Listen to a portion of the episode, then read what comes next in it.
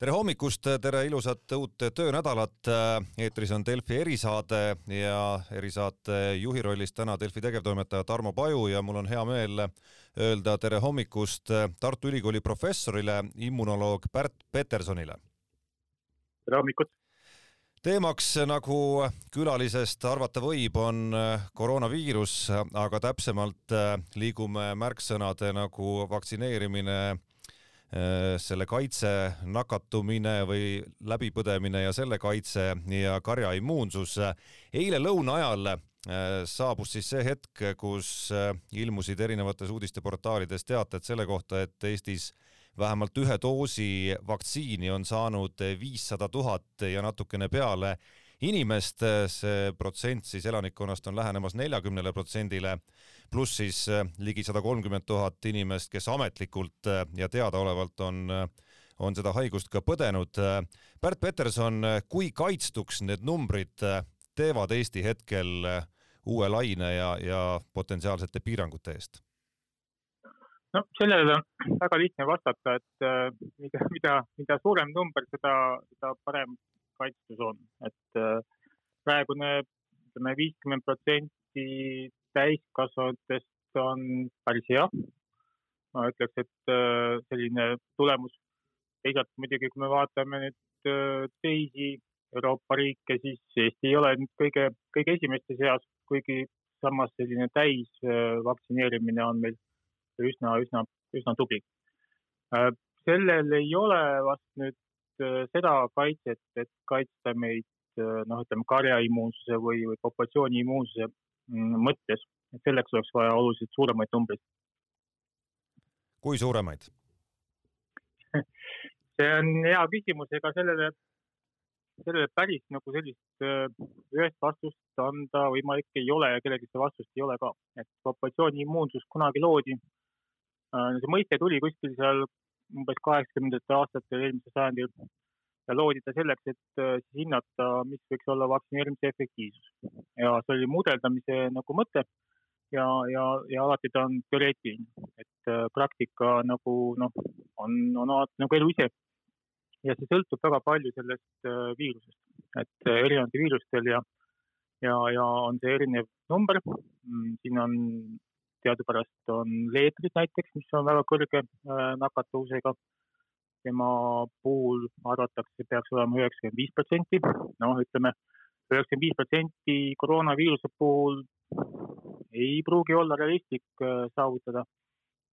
aga, aga sinnapoole tuleb pürgida, et äh, koroonaviiruse puhul on seda pakutud pigem seal kuuskümmend, seitsekümmend, kaheksakümmend protsenti sellise teoreetilise arvutusena aga ma arvan, et oluline küsimus on pigem nagu see, et, et, et äh, mida me tahame sellega saavutada. Ja mõned inimesed ei näe, et äh, see nüüd, noh, see piir täpselt oleks nagu oluline, vaid äh, siin nagu mitmeid muid nüansse ka selle teema juures.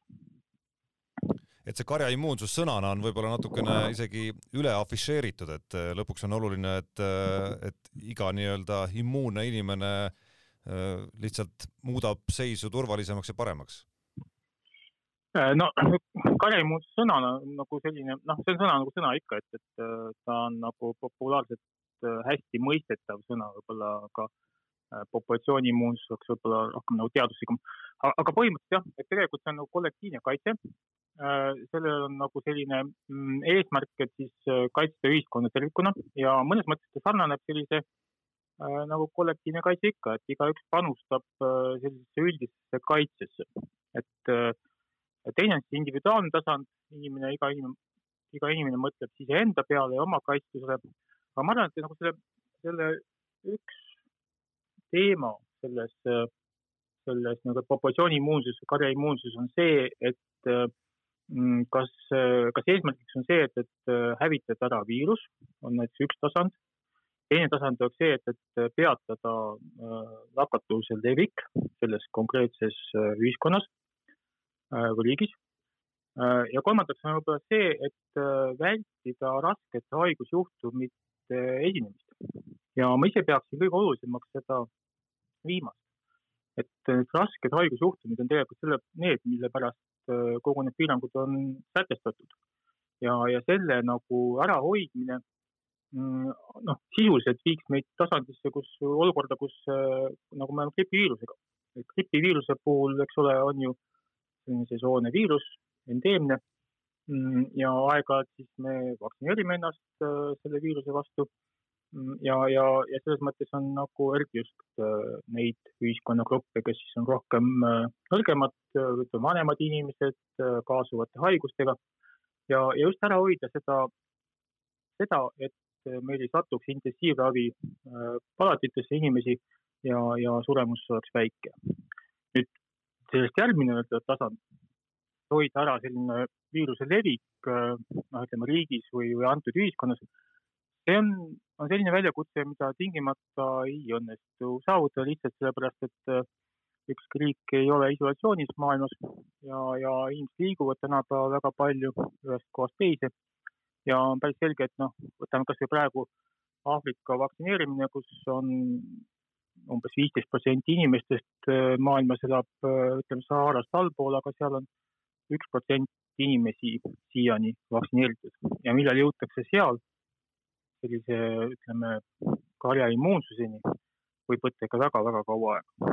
ja selles mõttes, kui viirust nagu elimineerida, ütleme, ühiskonnast või ütleme, riigist, saab olema väga-väga keeruline Äh, analüütik Indrek Saul kirjutas reedel Rahvusringhäälingu portaalis, tema on siis äh, neid koroonamudeleid äh, küll sotsiaalmeedias, aga ka, aga ka tradi-, traditsioonilises meedias omajagu teinud, kirjutas üsna bravuurikalt, et jaanipäeva paiku me oleme ületamas karjaimmuunsuse lävendit ja koroonaviirus võib põhimõtteliselt meil siin Eestis asjad kokku pakkida, et hakkame nüüd elama, mängima, puhkama, tööd rabama. kas olete nõus no sellised äh,, äh, alati on hea olla nagu optimist äh,. ma arvan, et optimist äh, tasub, tasub ka olla, et, et sinnapoole nagu tasub pürgida, et, et kui nüüd tulla tagasi nende sama erinevate stsenaariumite juurde, siis äh, asjad kokku pakkida, no ei, vaevalt jah. ma pigem arvan, et, et mingil määral see viirus jääb, see on nagu möödapääsmatu mm,. aga see, et, et me hakkame juba normaalset elu elama, noh, küsimus see, et mida me siis nagu mõtleme selle asjade kokkupakkimise all, et kas see, et, et me mõtleme selle viiruse mõtlemise ja kas me nagu ei valmistu selleks enam üldse või siis see, et me hakkame nagu elama avatult. ma arvan, et avatult elamine ei ole tõesti võib-olla väga kaugel. et äh, mõte on ikkagi see, et, et äh, nagu ma ütlesin, vältida raskete haigusjuhtumite esinemise, esinemist viirus aeg-ajalt liigub, äh, need inimesed äh, põevad seda haigust võib-olla nädal, võib-olla kaks, aga, aga ta meenutab sellist gripilaadset infektsiooni. aga kui, kui on, on võimalik kaitsta vanemaid inimesi, kui on võimalik kaitsta kaasuvate haigustega inimesi ja, ja nemad on vaktsineeritud, siis sellisel juhul võib tõesti nagu hakata, hakata vabamalt elama ilma maskita, kujutaks ette aga seda, et, et me nagu üldse kaotame selle peale mõtlemise ära, ma ei usu äh, seda mm, just sellepärast, et maailm on, on sedavõrd avatud. Äh, me teame ka seda, et vaktsiinide, no vaktsiinide toime on, on ikka pisut erinev ja, ja päris selge on see, et mingil määral need, need antikehade tasemed peale vaktsineerimist mingi aja jooksul langevad. et see on mõnes mõttes on oodatav niimoodi peabki toimima, et immuunsüsteem töötab selliselt, et ta esmaselt reageerib hästi tugevalt, aga siis ta nagu natukene langeb mm,. Äh, ja kas see, mis kuhu ta siis nagu hiljem langeb, ütleme poole aasta pärast või aasta pärast, kas see on nagu piisav mm, kaitsmaks seda inimest selle viiruse vastu, seda me tegelikult päris, päriselt veel ei tea.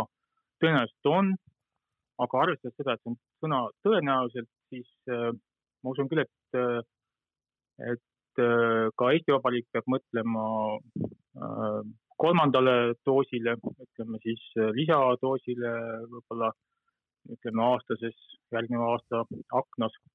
Ja, ja seda nagu selleks ette valmistama, et meil ei juhtuks selle olukorda, kus me tuli midagi, mis oli täiesti ootamatu ja, ja me süüdistame iseennast ja teineteist, et me ei valmistunud piisavalt kui siit äh, korraks hästi praktiliste küsimuste juurde minna, siis lihtsalt nädalavahetusest äh, ühest seltskonnast, et äh, ma ise, neljakümne kahe aastane mees, ilma, ilma mingite kaasuvate haigusteta kolm nädalat tagasi saanud esimese doosi Pfizerit.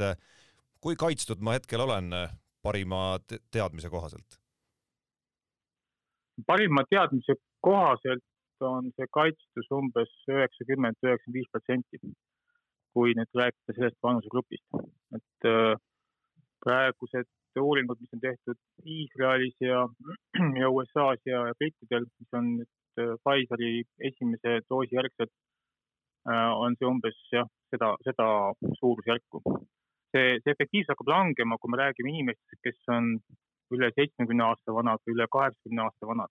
seal on, selle kohta on erinevaid uuringuid, mõningates uuringutes on leitud, et vanemate inimeste puhul on see noh, on olnud numbrid, mis on üle kaheksakümmend protsenti efektiivsust ja on neid, kes on üle, üle, üle kuuekümne protsendi olnud. et gripiviiruse puhul ma tuletan meelde, et tegelikult vanemate inimeste vaktsineerimine alati ei ole sugugi sajaprotsendiliselt efektiivne, et, et see on ka umbes kuue, kuuekümne protsendi suurusjärgus sõltub väga palju gripiviiruse nagu tüvest, mis parasjagu see aasta ringleb. Võib isegi madalam olla ja see sõltub väga palju ka sellest äh, inimesest äh, endast, et see inimese mm, oma niisugune immuunsüsteemi tase on tegelikult hästi oluline ja määrav, palju tal on kaasuvaid haigusi, aga noh, me teame seda, et liikumine ja, ja kehakaal on, on sellised olulised faktorid. Et, et tema elustiil on, on ka väga oluline, et selles mõttes nagu öelda alati, et see on nagu selles vanusegrupis see protsent on nagu ääretult no ta on, see on, see on keskmine, alati keskmine, et inimesed on väga individuaalsed. aga nüüd oluline asi, mis ka tuleb meeles pidada, on see, et, et, see on olukord, millest me räägime praeguses ajahetkes. nüüd tõenäoliselt siis kuskil poole aasta pärast ja aasta pärast on siis need antikeha tasemed langenud ja, ja ise julgeksin pakkuda immunoloogina, et äh, see tase, mis äh, on ka seal poole aasta pärast ja aasta pärast, on piisav selleks, et kaitsta inimest äh, viiruse vastu, eriti just raske infektsiooni vastu, sest see viirus võib tungida ka organismi ehk siis minna ja, ja mingil määral hakata seal paljunema, aga kuivõrd need antikehad on ees olemas, immuunsüsteem uuesti reageerib, ta, ta reageerib sellisel juhul palju kiiremini, palju efektiivsemalt kui ta on nagu see alus, vaktsineerimise alus olemas. Äh, ja sel, sel juhul see nagu viiruse tõrjumine toimub, see võib tähendada mingit äh, mõnepäevast võib-olla noh, võib-olla pikemat äh, haigust, aga inimene ei, ei põe seda raskelt ja ei satu nagu haiglasse, see on nagu, see on kõige olulisem asi. Nagu ma aru saan, päris palju tegelikult selgub alles ka selles osas, et kui kaua mingisugune kaitse ja, ja millise tüve vastu täpsemalt võiks püsida, et Pfizer ise on ju mingil hetkel öelnud, et või hoiatanud, võiks isegi öelda, et, et mingil, mingil hetkel on see kolmas doos vajalik ja võib-olla juba, võib-olla juba sama aasta sees, kui, kui kaks esimest doosi on tehtud, samas kas, kas pole mitte nii, et viimasel ajal on rohkem kõlamas juba neid hääli, mis usuvad, et, et need kaitsed on tegelikult palju-palju pikemad? ma arvan, et siin on mõlemaid hääli äh, ja, ja, ja mõlemaid hääli tuleb kuulata, et äh, ei olegi mõtet nagu jääda ainult ühte, ühte kasti. Pfizeril on kindlasti olemas palju infot. Nad on alustanud kliinilisi uuringuid juba eelmise aasta, eelmise aasta nagu suvel, et äh, nende uuringu andmed ja need ka uuringu andmed, mis nad saavad Iisraelist, on, on märgatavad. et kindlasti neil on juba maailmas selline parim teadmine sellest kaitsest ja kaitse pikkusest. nüüd kui nad niimoodi ütlevad niimoodi nad tõepoolest öelnud on, siis, siis no mingil määral seda tasub, tasub kuulata. loomulikult eraettevõttel on omad huvid, et tema huvi on, on ka seda vaktsiini võimalikult laialdaselt müüa. aga, aga mingil määral see signaliseerib sellest, et päris niimoodi mm, päris kurtide kõrvadele ei tasuks seda nagu lasta, lasta nagu minna Äh, ja teine pool, äh, kas see nagu pikem aeg äh, on piisav, ütleme pikema aja jooksul ja kas see kolmandat doosi vaja on, seda on raske öelda, sellepärast et noh, tõepoolest seda infot nagu ei ole. nagu ma ütlesin, nagu immunoloogina ma kaldun arvama, et, et, et seda nakkust levib, ütleme aasta pärast, ütleme, no räägime näiteks ajast, mis võiks olla kaks tuhat kakskümmend kaks veebruar, märts, kus on tegelikult selline äh, sesoonsus mõttes nagu kõige kõrgem, kõrgem aeg. Seda nakkust on, ta levib, me teeme neid teste. Neid teste ilmselt kasutatakse palju ka lendudel ja muudel asjadel. aga suurem osa siis elanikkonnast on, on kaitstud ja, ja nad ei satu haiglasse, ütleme, intensiivravi vajadus on oluliselt langenud, ehk siis surve meditsiinisüsteemile on langenud ja, ja viirus ei takista meditsiinisüsteemi toimimast. ja see on, see on nagu, ma kujutan ette, üks kõige peamiseid eesmärke, mis üldse olla saab. Äh, nüüd levikut siis võib-olla püütakse noh, pidevalt ka kontrollida. Äh, sest et selles mõttes, et praegu on kindlasti koroonaviiruse jaoks on loodud siis äh, testsüsteemid, mida kunagi ajaloos ei ole tehtud näiteks gripiviirusel ja, ja seda sellist mastaapset süsteemi, noh, seda on võimalik ära kasutada, et lihtsalt kontrollida olukorda ja uusi tüvesid. uued tüved on kindlasti üks teema, mida, mida peab arvestama, mis on natukene ettearvamatu, see on niisugune Trooja hobune moodi asi. aga, aga see, see, see, neid, neid siis hakatakse tulevikus kindlasti nagu monitoorima kui kirju see pilt hetkel on, mis puudutab eh, erinevaid vaktsiine, erinevaid toimeid, eh, nende erinevaid omadusi ja siis teisest küljest siis nii-öelda erinevaid tüvesid, mis, eh, mis, mille suhtes jälle iga erinev vaktsiin käitub pisut võib-olla erinevalt ja, ja ma saan aru, et see pilt kusjuures on veel kirjumaks minemas, sest, sest vaktsiine on ju kamaluga juurde tulemas aja jooksul.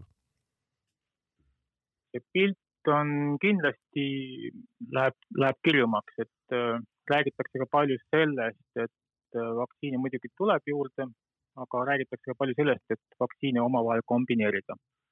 praegu meil on kaks suurt klassi, on, on üks, mis on nii-öelda äh, mRNA vaktsiinid ja teine on siis adenoviiruse vaktsiinid ja nende kombineerimisest on juttu olnud.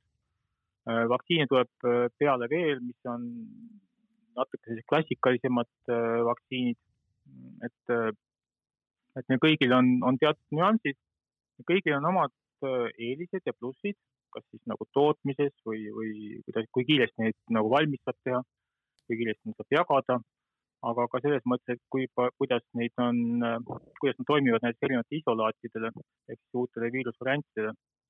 mulle endale tundub praegu niimoodi, et, äh, et mRNA vaktsiini kohta on nagu paremat näit tõttu, et ta toimib erinevatele isolaatidele vast äh, nagu päris hästi, kuigi me ise oleme teinud ühe uuringu, kus, äh, kus vaadati vaktsineeritud inimesi, see oli koos äh, Synlabi vaktsineeritutega. ja, ja seal tuli välja see, et, et ka need Pfizeri vaktsiini järgselt antikehade tase siis langeb Äh, langus äh, tekitab niisugune sõna, mis noh, tekitab kohe sellist äh, nagu nii-öelda punast lippu tõstva mulje, aga, aga teisest küljest ega see langus ei pruugi olla nii sügavale, et ta ei kaitseks. seda me praegu ei tea kas see, et, et me nüüd näeme ikkagi viimasel paaril nädalal eriti Eestis ikkagi väga selgesuunalist ja, ja isegi võiks öelda kiirenevas tempos nakatumiste langust, et loete te seda ikkagi puhtalt vaktsineerituse kasvamise teeneks? et, et noh, ei saaks öelda, et, et piirangud ju kuidagi alles oleks ja et inimesed väga hoolikalt neid täidaksid, et, et pigem on, pigem on see käitumine ikkagi lõdvenenud selgelt, et, et on see puhtalt vaktsineerimise teene praegu? ma ise arvaks, et see on pigem äh, selle teene, et äh, me panime peale piirangud, et äh, ilmselt on kombinatsioon väga erinevatest asjadest ja, ja mis osakaalud nendel kombinatsioonidel kogu selles pildis on, on, on teine küsimus. või noh, ütleme, on, on hea küsimus, et kindlasti on üks osa sellest on, on piirangud. ma arvan, et see piirangute äh, kasutusele võtmine, mis nüüd toimus, mm, oli, on olnud see peamine efekt. teine, teine efekt on olnud teatud määral sesoonsus, kuigi see on teadlaste jaoks jäänud siiski siiamaani suhteliselt ebaselgeks, aga, aga ikkagi tundub, et selline nakatumine on, nakatumine on siis suurem, ütleme sellisel noh, talvisel kevadtalvisel perioodil ja, ja suvega see hakkab taanduma. ja kolmandaks siis vaktsineeritus, et äh, ise arvan, et äh, pigem me peaks nüüd vaktsineerima nii palju kui võimalik. ja olema hästi valmis selliseks sügisperioodiks. usun, et suvi läheb, suvi läheb kindlasti, olukord paraneb veelgi enam ja, ja nagu eelmine aasta suvigi oli suhteliselt, suhteliselt hea. aga, aga siis peaks ikkagi nagu sellist tähelepanu mitte kaotama, et, et olla valmis, kui nüüd uuesti tuleb november-detsember, et siis, et meil oleks olemas ka piisavad vaktsiinivarud selleks perioodiks igaks juhuks, et meil oleks valmis ka meetmed selleks, et me suudaks adekvaatselt ja kiiresti reageerida ja juba isegi piiranguid tuua. aga ka meditsiinisüsteem muidugi, et, et see võimalus nagu intensiivravi rakendada kiiresti oleks, oleks säilinud et äh, need on kõik hästi olulised asjad, isegi kui neid kõiki äh, vaja ei lähe ja, loodetavasti isegi ei lähe vaja. No tulles siin lõpetuseks selle maagilise väljendi karjaimmuunsus juurde, siis äh, Iisraeli kohta kusagil aprilli algul juba mõned eksperdid ütlesid, et, et neil võiks see karjaimmuunsus käes olla, et siin oli üks uudis, mis jäi silma, mis rääkis et, et viiskümmend kuus protsenti elanikkonnast on vaktsineeritud, see oli siis aprilli algul ja viisteist protsenti läbi põdenud, et ongi nii-öelda tehtud, et esimesed suured üritused olid ka peetud, nakatumiste kasvu selle pealt ei tulnud ja ka tänaseks on see suhtarv Iisraelis ikkagi alla ühe juba mõnda aega, et mida Iisraeli eeskuju on maailmale teie silmis näidanud? Äh, Iisraeli eeskuju oli see, et nad toimisid väga kiiresti, nad võtsid äh, vaktsiinid kasutusele väga kiiresti, nad tegid noh, teadaoleva, eks ole, lepingu Pfizeriga Äh, ja, ja selles mõttes nad olid hästi dünaamilised äh, oma reaktsioonis. et äh, see oli nagu oluline. ma olen ise kuulanud seminari, mida on pidanud Iisraeli vaktsineerimist läbi korraldava nagu struktuuriüksuse selline juht ja, ja nemad ütlesid, et väga oluline on rääkimine kogukondadega. et noh, Iisrael on mingil määral ka kogukondade riik, ka Eestis seda on. et Äh, see kogukonna juhtidega rääkimine, eeskujude loomine, see on olnud äh, ääretult äh, oluline. ja, ja, ja kui siin natuke võib-olla seda ka meie riigis õppida, siis noh, meil on, on mingil määral Ida-Viru kogukonnad, kes on jäänud kõrvale või siis noh, käituvad natuke teistmoodi. et, et see on, see on koht kindlasti, kus, kus, kuhu panustada rohkem. Iisraeli puhul kui me vaatame nüüd vaktsineerimist, siis tegelikult meil on jäänud see vaktsineerimine nagu praegu suhteliselt platoole ja sealt edasi minna on, on päris raske.